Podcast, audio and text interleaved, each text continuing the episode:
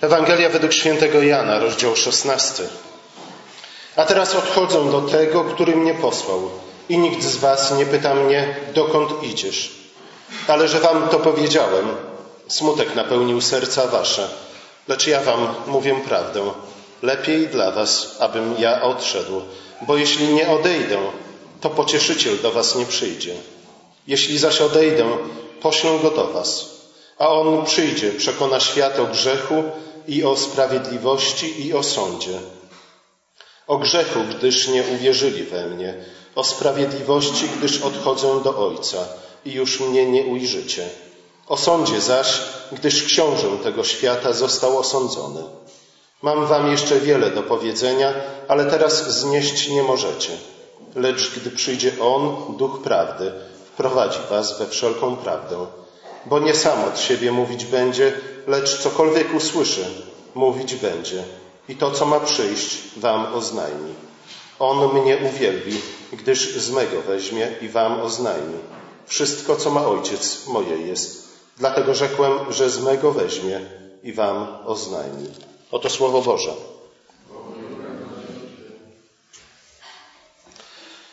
Jezus wcześniej, na początku XVI rozdziału, zapowiada swoje odejście. Zresztą całe to spotkanie przy ostatniej wieczerzy jest skupione właśnie na tym, na przygotowaniu uczniów na odejście Jezusa. Jezus w gruncie rzeczy po raz drugi w czasie tego spotkania mówi, że wkrótce odejdzie. Ale uczniowie tym razem w ogóle nie reagują na jego słowa. Są apatyczni, są otępiali, boją się go zapytać. Jezus mówi, że nie pytają przede wszystkim dlatego, iż smutek napełnił ich serca. Ten smutek jest zrozumiały, ponieważ któż chciałby rozstać się z Jezusem? Z Jezusem, który by był pośród nich, pośród Niego, przy Nim w ciele. Jezus, którego można by dotknąć, Jezus, którego można by uścisnąć, Jezus, którego można by zobaczyć na własne oczy, usłyszeć na własne uszy. Ale ten właśnie Jezus w takiej postaci odchodzi od uczniów i dlatego smutek napełnia ich serce. Nic dziwnego. Dziecko, gdy znika mu z oczu mama, od razu wpada w panikę. Od razu zaczyna płakać. Oznacza to dla niego koniec świata. W podobnej sytuacji byli uczniowie, kiedy Jezus powiedział, że wkrótce ich opuści.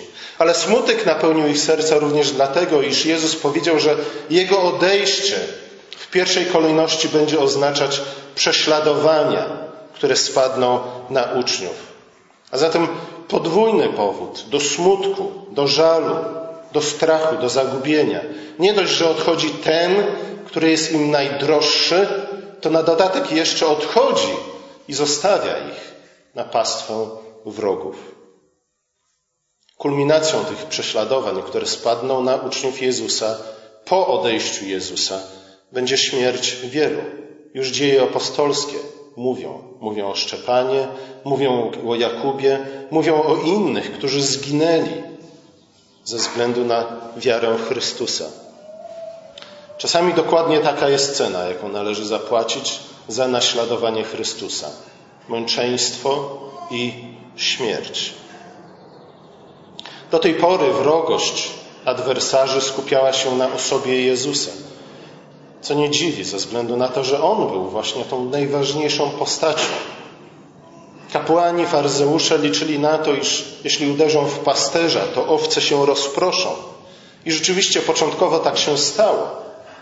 Ale później, gdy te owce z powrotem zebrały się w jedno stado, gdy na ich czele stanął nowy pasterz, wtedy wrogość adwersarzy, która najpierw skupiała się na Jezusie, teraz zwróciła się z pełną mocą właśnie na uczniach, na jego wyznawcach. W takiej sytuacji nie trudno zrozumieć smutek uczniów. Smutek, który sprawia, że uczniowie milkną. Nie wiedzą, co powiedzieć. O nic nie pytają. Nie pytają, kiedy Jezus odejdzie, nie pytają, dokąd odejdzie, nie pytają, dlaczego ma odejść, nie pytają, dlaczego to będzie lepiej dla nich, że ich zostawił. Stają się otępiali, apatyczni, można by wręcz powiedzieć, że popadają w depresję. Skoro Jezus kocha swoich uczniów, to dlaczego ich opuszcza? Często w ten sposób pojmujemy miłość Bożą. Gdyż miłość Boża polega na tym, że Jezus będzie zawsze blisko przy nas. W pewnym sensie jest, ale nie w taki sposób, jak my często byśmy o tym chcieli. Niektórzy wręcz mówią o, o ciemnej nocy, w czasie której nie doświadczamy w ogóle obecności ani bliskości Boga. Ale również to jest doświadczeniem, które prowadzi nas ku dojrzałej wierze. Jezus mówi uczniom, że lepiej będzie dla nich, jeśli On ich opuści. Lepiej, ponieważ jeśli nie odejdzie, nie będzie mógł posłać ducha. Jeśli odejdzie, pośle ducha. I znów, dla uczniów w pewnym sensie było to niezrozumiałe, nadal i wciąż. Dalej Jezus wyjaśnia, iż właśnie ten duch przyjdzie między innymi po to, aby uczniowie mogli lepiej zrozumieć to, co wydarzyło się w ich życiu. Duch jest dla nich wciąż w pewnym sensie pewną abstrakcją. Jezus jest czymś namacalnym, jest czymś widocznym. Duch Skąd wiemy, że On jest między nami? Skąd wiemy, że On działa pośród nas, poprzez nas, w nas? Skąd wiemy, że wykład Bożego Słowa jest w gruncie rzeczy Słowem Bożym, które dociera do nas? Skąd wiemy, że chleb i wino, które spożywamy przy stole pańskim, jest prawdziwie ciałem i krwią Chrystusa? Nie jesteśmy w stanie tego zbadać empirycznie, metodami naukowymi. Musimy to wszystko przyjąć wiarą. Uczniowie jednak mogli słusznie zadać pytanie, dlaczego będzie to lepsze, iż Jezus odejdzie, a ich zostawi. Dlaczego będzie lepiej dla nich, że staną się męczennikami, a nie tylko uczniami, którzy chodzili za Jezusem, słyszeli Jego nauczanie, widzieli Jego cuda, jedli chleb, który rozmnożył, jedli ryby, które w cudowny sposób złapał dla nich czy oni dzięki Niemu, chodzili po wodzie. Dlaczego Jego odejście ma być lepsze? Podobnie pytanie mogłaby to zadać Maria. Dlaczego śmierć Łazarza ma być lepsza niż jego uzdrowienie? Często w życiu stajemy przed takimi pytaniami. Dlaczego coś, co na pierwszy rzut oka jawi się nam jako coś gorszego, a czasami wręcz kompletnie rujnującego nasze życie, ma być lepsze od tego, co mamy i od tego, co posiadamy? Dlaczego chwała Boża objawi się pełniej również w naszym życiu, jeśli łazarz nie zostanie uzdrowiony, ale umrze? Te pytania oczywiście nie padły z ust uczniów, ale Jezus i tak na nie odpowiedział. Świadom jest jednak, że uczniowie nie są w stanie zrozumieć tego, co chce im przekazać. Przez trzy lata im mówił, trzykrotnie zapowiadał swoją śmierć, a do uczniów wciąż to nie dociera.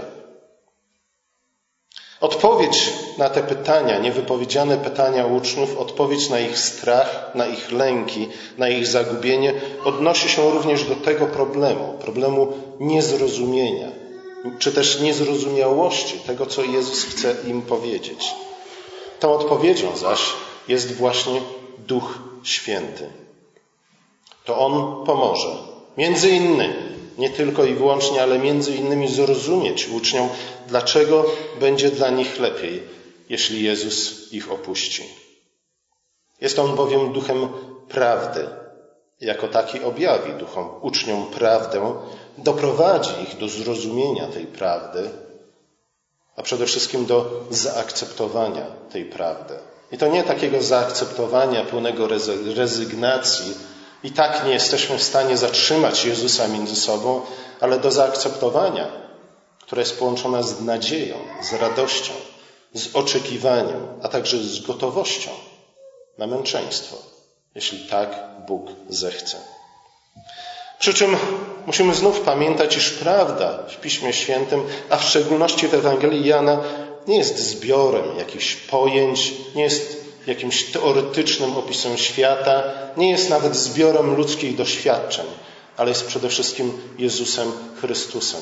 Kiedy Duch przyjdzie i objawi nam prawdę i wprowadzi nas we wszelką prawdę, to to oznacza, iż On przypomni nam słowa Chrystusa, wprowadzi nas te słowa, pomoże nam je lepiej zrozumieć, ale przede wszystkim ukształtuje nas na podobieństwo Chrystusa, który jest prawdą. Co konkretnego jest Duch weźmie od Jezusa i objawi uczniom? Duch, mówi Jan, gdy przyjdzie, przekona świat o grzechu, o sprawiedliwości i o sądzie. O grzechu, gdyż nie uwierzyli we mnie, o sprawiedliwości, gdyż odchodzą do Ojca i już mnie nie ujrzycie, o sądzie zaś, gdyż książę tego świata został osądzony. Na pierwszy rzut oka wydaje się, że duch przyjdzie i będzie działał przede wszystkim w świecie jednak. Ja wiem, że przed chwilą powiedziałem, iż duch przekona uczniów o prawdzie, ale tu wydaje się, że duch będzie przede wszystkim przekonywał świat o grzechu, o sprawiedliwości i o sądzie. Że Jezus mówi tu o świecie, który stoi naprzeciw uczniom, opiera się im, a nawet walczy przeciwko nim. Atakuje ich. I wtedy to duch, który jest nazywany parakletem, czyli obrońcą, staje w obronie uczniów i będzie wspierał świadectwo, które oni sami będą składać wobec świata. Ale musimy pamiętać o tym, iż świat w Ewangelii Jana jest obiektem miłości Bożej. Jezus przyszedł jako baranek Boży po to, aby zgładzić grzech świata. A uczynił tak, ponieważ Bóg tak umiłował świat, iż posłał syna swojego, aby go zbawił, aby nikt, kto weń wierzy, nie zginął, ale miał życie wieczne. W gruncie rzeczy więc to nie świat jest wrogiem Boga. Dlatego Jezus mówi o sądzie nad księciem, nad władcą tego świata, nad diabłem i szatanem, nad tym starodawnym wężem i smokiem. Świat nie jest wrogiem Boga. Świat jako taki. Grzech oraz książę tego świata, szatan, są wrogami Boga. Świat staje się wrogiem Boga i my stajemy się wrogami Boga na tyle, na ile odrzucamy prawdę, którą przynosi nam Słowo Boże, czyli w gruncie rzeczy na tyle, na ile odrzucamy Chrystusa i objawienie Ojca w Synu, a na ile dajemy, prawdę, dajemy posłuch słowom fałszywym szatana. Grzech zatem u Jana to przede wszystkim odrzucenie objawienia Bożego, a w szczególności odrzucenie Chrystusa, zaprzeczenie temu, że On jest nie tylko Mesjaszem, ale jest też Synem, którego posłał Ojciec, aby objawił nam Ojca. Iż wcześniej w trzecim rozdziale Jan napisał, kto wierzy w Syna, ten nie jest sądzony, lecz kto nie wierzy, już został osądzony, gdyż nie uwierzył w imię jednorodzonego Syna. Niewiara w Syna, niewiara w to, że Ojciec rzeczywiście posłał Syna, że Jezus jest tym, którym twierdził, że jest, że przyszedł z nieba po to, aby objawić nam tego, który, którego nikt nigdy nie widział. Niewiara w Syna posłanego w Ojca jest równoznaczna dla Jana ze złamaniem wszystkich przykazań, ze złamaniem całego dekalogu, ze złamaniem przede wszystkim pierwszego przykazania dekalogu, gdzie mowa o tym, nie będziesz miał innych panów obok mnie. Niewiara w Syna oznacza odrzucenie tego wszystkiego, z czym Bóg do nas przychodzi. Ponieważ Bóg przychodzi do nas w swoim Słowie przede wszystkim, a Syn jest właśnie Słowem odwiecznym Ojcem.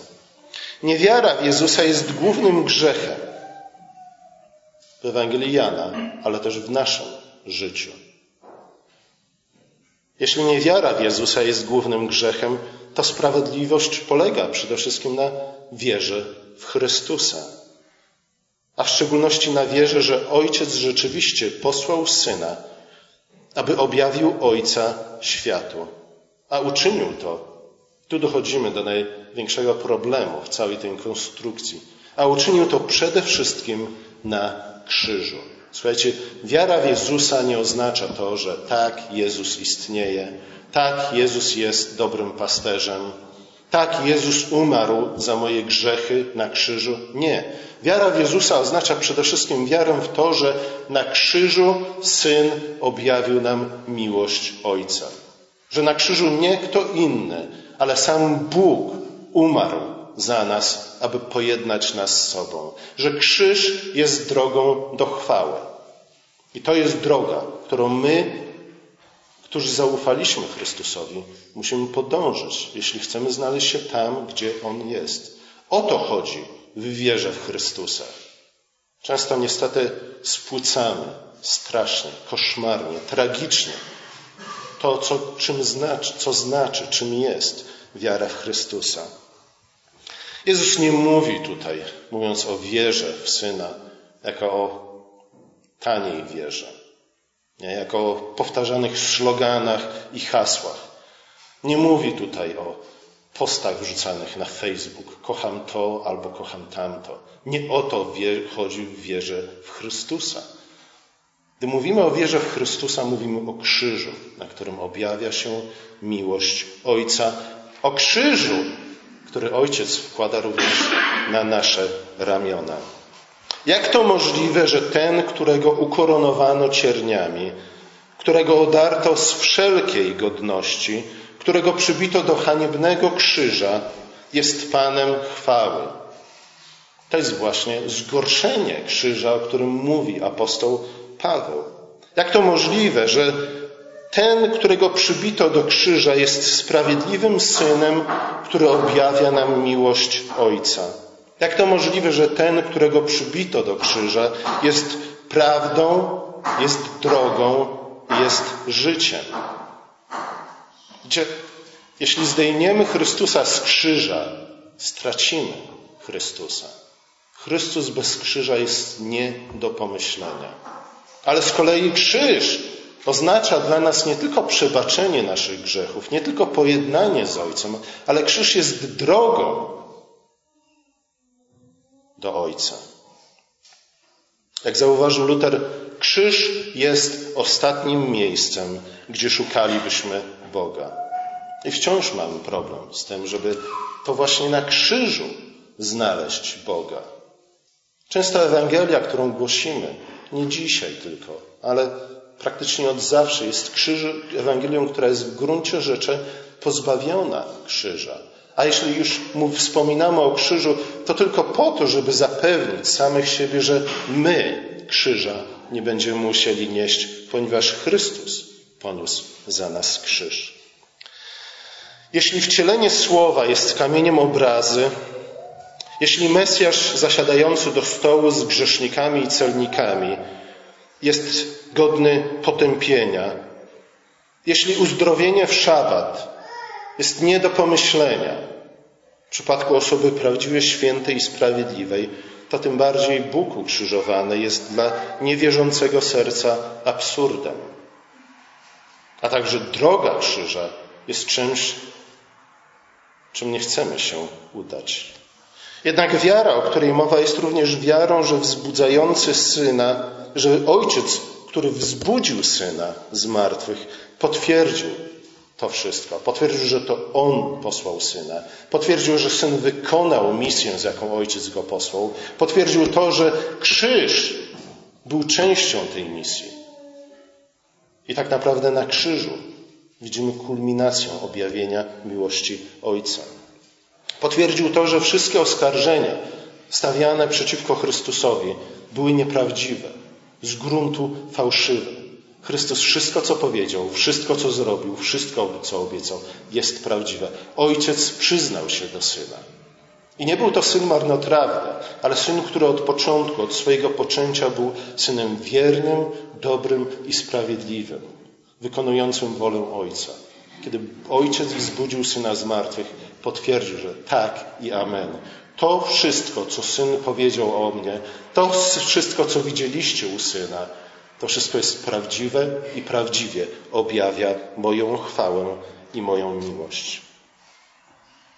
Innymi słowy, Bóg potwierdził, wzbudzając syna z martwych, że miłość jest mocniejsza niż śmierć, że ziarno umiera po to, aby wydać owoc, że to jest droga, którą również my musimy się udać, jeśli chcemy znaleźć się tam, gdzie jest Chrystus. Jak mówią ewangeliści, zmartwychwstanie Jezusa było wydarzeniem nie do zaakceptowania, było prawdą nie do zaakceptowania dla wielu, podobnie jak to, że Mesjasz umarł na krzyżu. I zmartwychwstanie bywało odrzucane do ludzi, zwalczane, i krzyż był odrzucany jako coś, co w ogóle nie pasuje do Boga i do chrześcijańskiego czy też pobożnego życia. A to dlatego, że zmartwychwstanie każe nam spojrzeć na krzyż z innej perspektywy. Każe uznać, że rzeczywiście na krzyżu Ojciec wywyższył Syna, otoczył Go chwałą i przyznał Mu we wszystkim rację. Śmierć i zmartwychwstanie Jezusa z kolei oznacza sąd. Ale znów jest to sąd przede wszystkim nad władcą tego świata, nad szatanem, który jest ojcem kłamstwa i zwodziciela. A zatem tu widzimy te dwie drogi, przed którymi stoi każdy z nas. Droga prawdy, która prowadzi nas przez krzyż ku życiu, albo też droga kłamstwa, która prowadzi nas często w sposób miły i przyjemny ku zatraceniu. Jest to sąd przede wszystkim nad władcą tego świata, ale niestety jest to również sąd nad tymi, którzy dają wiarę raczej miłym, przyjemnym, cudownym obietnicom szatana, raczej niż Boga. Jest to sąd również nad tymi, dla których krzyż nie jest miejscem objawienia miłości Ojca, ale powodem do zgorszenia, do rozczarowania, Uczniowie najwyraźniej potrzebowali właśnie takiego zapewnienia, po to, aby wzmocnić ich ducha w świetle nadchodzących, nadchodzących prześladowań i męczeństwa. Ale potrzebowali czegoś jeszcze. Potrzebowali przede wszystkim wiary. Wiara, która zwycięża świat. Wiary, która kocha świat. Kocha tego, którego przezwycięża. Wiary, która kocha świat i potrzebują tę wiarę, aby kochać świat, ponieważ zostali posłani na ten świat, tak jak wcześniej syn został posłany przez ojca na świat. Zostają posłani tak, jak Bóg umiłował świat i tak, jak Bóg umiłował świat i posłał swojego syna, aby stał się barankiem, który uwolni ten świat z niewoli grzechu. Tej wiary, wiary, która przy współudziale ducha rodzi w nas miłość, potrzebują uczniowie, po to, aby mogli pójść w świat tak jak Chrystus poszedł w świat i objawić światu miłość Ojca. W uczniach nadal kryje się niewiara. W ich sercach nadal czai się ciemność. Choć zostali już wszczepieni w latorośl i zostali przycięci przez Słowo, tak jak mówi Jezus we wcześniejszym rozdziale, nadal potrzebują tego oczyszczenia, tego przycinania przez Słowo. Potrzebują tego, aby trwać w latorośli i potrzebują tego, aby wydawać owoce sprawiedliwości. W Ewangeliach widzimy właśnie takich apostołów. Wciąż okazują brak wiary. Piotr w którymś momencie nawet słyszy od Jezusa słowa: idź precz ode mnie, szatanie. Bo nie myślisz o tym, co boskie, ale o tym, co ludzkie. Widzicie, brak niewiary polega na tym, że myślimy o tym, co ludzkie, a nie myślimy o tym, co boskie. Brak wiary polega na tym, że krzyż w gruncie rzeczy nas gorszy, że nie chcemy udać się drogą krzyża, że wydaje nam się, że są jakieś prostsze i łatwiejsze sposoby, aby dojść do życia wiecznego.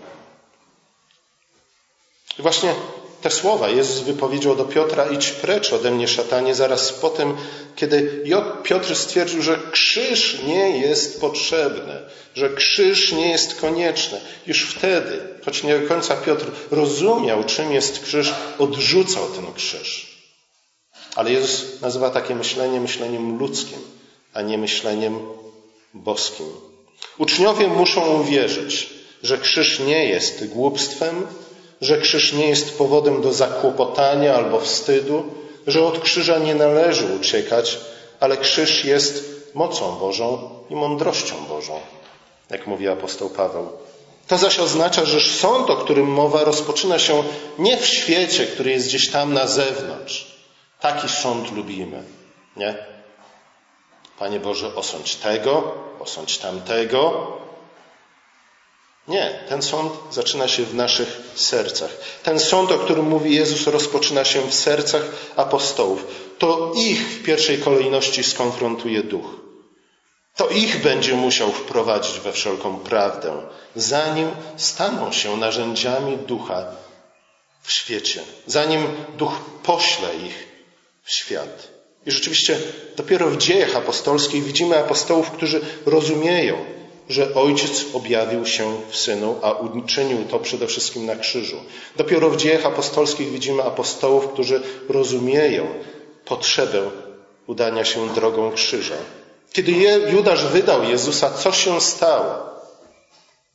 Apostołowie rozproszyli się, a Piotr wyparł się wszelkiej znajomości z Chrystusem. Dzieje apostolskie ukazują nam całkowicie odmienny obraz apostołów. Teraz apostołowie cieszą się, że zostali godni cierpieć dla imienia Chrystusa. Ich wiara okrzepła i zrozumieli, co to znaczy żyć wiarą, a nie oglądaniem. W pewnym sensie to samo widzimy u innych chrześcijan, u tych, którzy uwierzyli i przyjęli Ewangelię ze, ze względu na świadectwo apostołów. Widzimy w listach Nowego Testamentu to ciągłe zmaganie się z grzechem, który z ciemnością, które są nie tylko na zewnątrz, w świecie, ale przede wszystkim wciąż kryją się w naszych sercach. Wciąż ulegamy pokusom szatana, wciąż wybieramy drogę łatwą i przyjemną zamiast trudnej i niewygodnej drogi prawdy. Nawet apostoł Paweł w siódmym rozdziale listu do Rzymian mówi właśnie o takim doświadczeniu. O doświadczeniu, którego wielu z nas, któremu chce, wielu z nas chce zaprzeczyć. Apostoł mówi, iż nie robi to, czego chce, ale to, czego nienawidzi. Pragnie dobra, ale brak mu wykonania dobra. A jest tak, ponieważ wciąż w jego ciele mieszka grzech. Widzicie, to dlatego każde nabożeństwo rozpoczynamy od wyznania grzechów. Abyśmy przypomnieli sobie, przynajmniej raz na tydzień, że jesteśmy wciąż, jak to mówił Luther, simul justus et peccator, jednocześnie sprawiedliwi, ale też grzeszni. Kiedy nawracamy się, kiedy odwracamy się od grzechu i zwracamy się do Chrystusa, wtedy grzech nie znika automatycznie i do końca w naszym życiu. Jeśli uważamy, że tak jest, natychmiast stajemy się hipokrytami, stajemy się świętoszkami, którzy udają, że są bardziej papiescy od samego papieża. Ale to oznacza, że żyjemy wciąż w kłamstwie. Innymi słowy, że żyjemy oglądaniem, sądzimy po pozorach, i stwarzamy pozory, zamiast iść drogą prawdy. I znów, dlaczego tak czynimy? Ponieważ wiemy, że droga prawdy zaprowadzi nas prędzej czy później na krzyż. A krzyż jest czymś, z czym nigdy nie chcemy się spotkać we własnym doświadczeniu. Grzech nie znika całkowicie z naszego serca. Walczymy z nim do końca naszych dni. Słuchajcie, jeśli to było doświadczenie apostoła Pawła, świętego Pawła, to tym bardziej jest to doświadczenie nas. W tej walce właśnie wspiera nas duch, który przekonuje nas w pierwszej kolejności o grzechu, o sprawiedliwości i o sądzie. Jednak nie wystarczy tylko raz się nawrócić. Dlatego i Luther, i Calvin, i inni reformatorzy mówili o życiu chrześcijanina jako życiu polegającym na ciągłym nawracaniu się, życiu, które jest pielgrzymką do pełnego zaufania Bogu.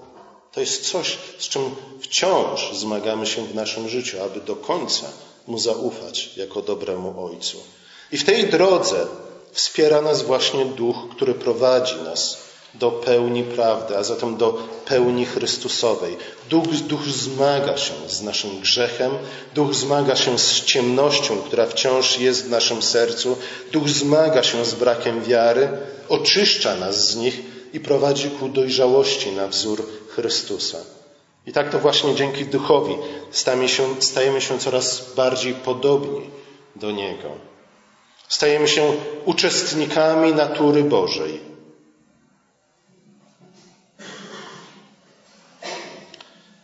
Bycie uczestnikami natury Bożej oznacza nic innego jak właśnie bycie takiego samego charakteru, jaki widzimy u Boga. I znów wracamy do krzyża. Gdzie najlepiej, gdzie najpełniej, gdzie najwyraźniej objawił się charakter Boga? Właśnie na krzyżu. Ale ten boski charakter w nas, ta natura boska w nas, nie pojawia się znów w mgnieniu oka. Nie pojawia się wtedy, kiedy pierwszy raz przychodzimy do Chrystusa. Nie pojawia się nawet wtedy, kiedy żyjemy z Chrystusem przez może nawet całe lata. Ten charakter kształtuje się w czasie pod wpływem słowa i pod wpływem ducha. Wypala się w ogniu doświadczeń. Wykuwa się pod ciosami losu. Właśnie to chce Jezus powiedzieć uczniom tuż przed swoim odejściem. I to oprowadzi nas z powrotem do, na początek naszych rozważań. Odejście Jezusa wystawi uczniów na szczególne niebezpieczeństwa, na ostracyzm, na więzienie, a nawet na śmierć. W tym wszystkim nie wolno im porzucać wiary w Jezusa. Nie wolno im tracić nadziei chwały Bożej. Mają raczej, jak napisał Paweł, radować się w uciskach, wiedząc, że ucisk rodzi się, że z ucisku rodzi się wytrwałość, z wytrwałości rodzi się doświadczenie, z doświadczenia zaś nadzieja. Nie taka płytka nadzieja, która jest w gruncie rzeczy niczym innym jak pobożnym życzeniem, ale głęboka nadzieja, prawdziwa nadzieja, nadzieja, która jest fundamentem, fundamentem naszego życia, zwłaszcza wtedy, kiedy Bóg nakłada na nasze barki krzyż. Z doświadczenia rodzi się nadzieja, a jest to nadzieja, która nie zawodzi. Nie zawodzi, ponieważ Duch wspiera nas w naszej niemocy i wstawia się za nami, nawet kiedy, wtedy, kiedy my nie wiemy, jak mamy zwracać się w modlitwie do naszego Ojca. I właśnie to dzięki prowadzeniu Ducha, tą dziwną, krętą, niewygodną drogą, możemy wiedzieć, że to wszystko, co spotyka nas w życiu, służy naszemu dobru. To chciał Jezus powiedzieć swoim uczniom. Słuchajcie, krzyż, nawet to, że mnie opuścicie, nawet to, Piotrze, że się mnie wyprzesz, koniec końców, dzięki działaniu Ducha Świętego w Twoim życiu, wyjdzie Ci na dobre. Skąd to wiemy? Bo na krzyżu Bóg nie tylko osądził władcę tego świata, ale przede wszystkim pokazał nam Ojca i dał dowód swojej miłości ku nam. Z jednej strony krzyż jest czymś, co nas przeraża. Dlatego potrzebujemy ducha, aby pomógł nam nieść ten krzyż. Ale z drugiej strony krzyż jest tym miejscem, które najpełniej objawia nam Ojca Najdobitniej ukazuje nam Jego miłość, Jego łaskawość i wierność. To, że nie cofnie, nie cofnie się przed niczym, aby wprowadzić nas do swojej chwały. Amen.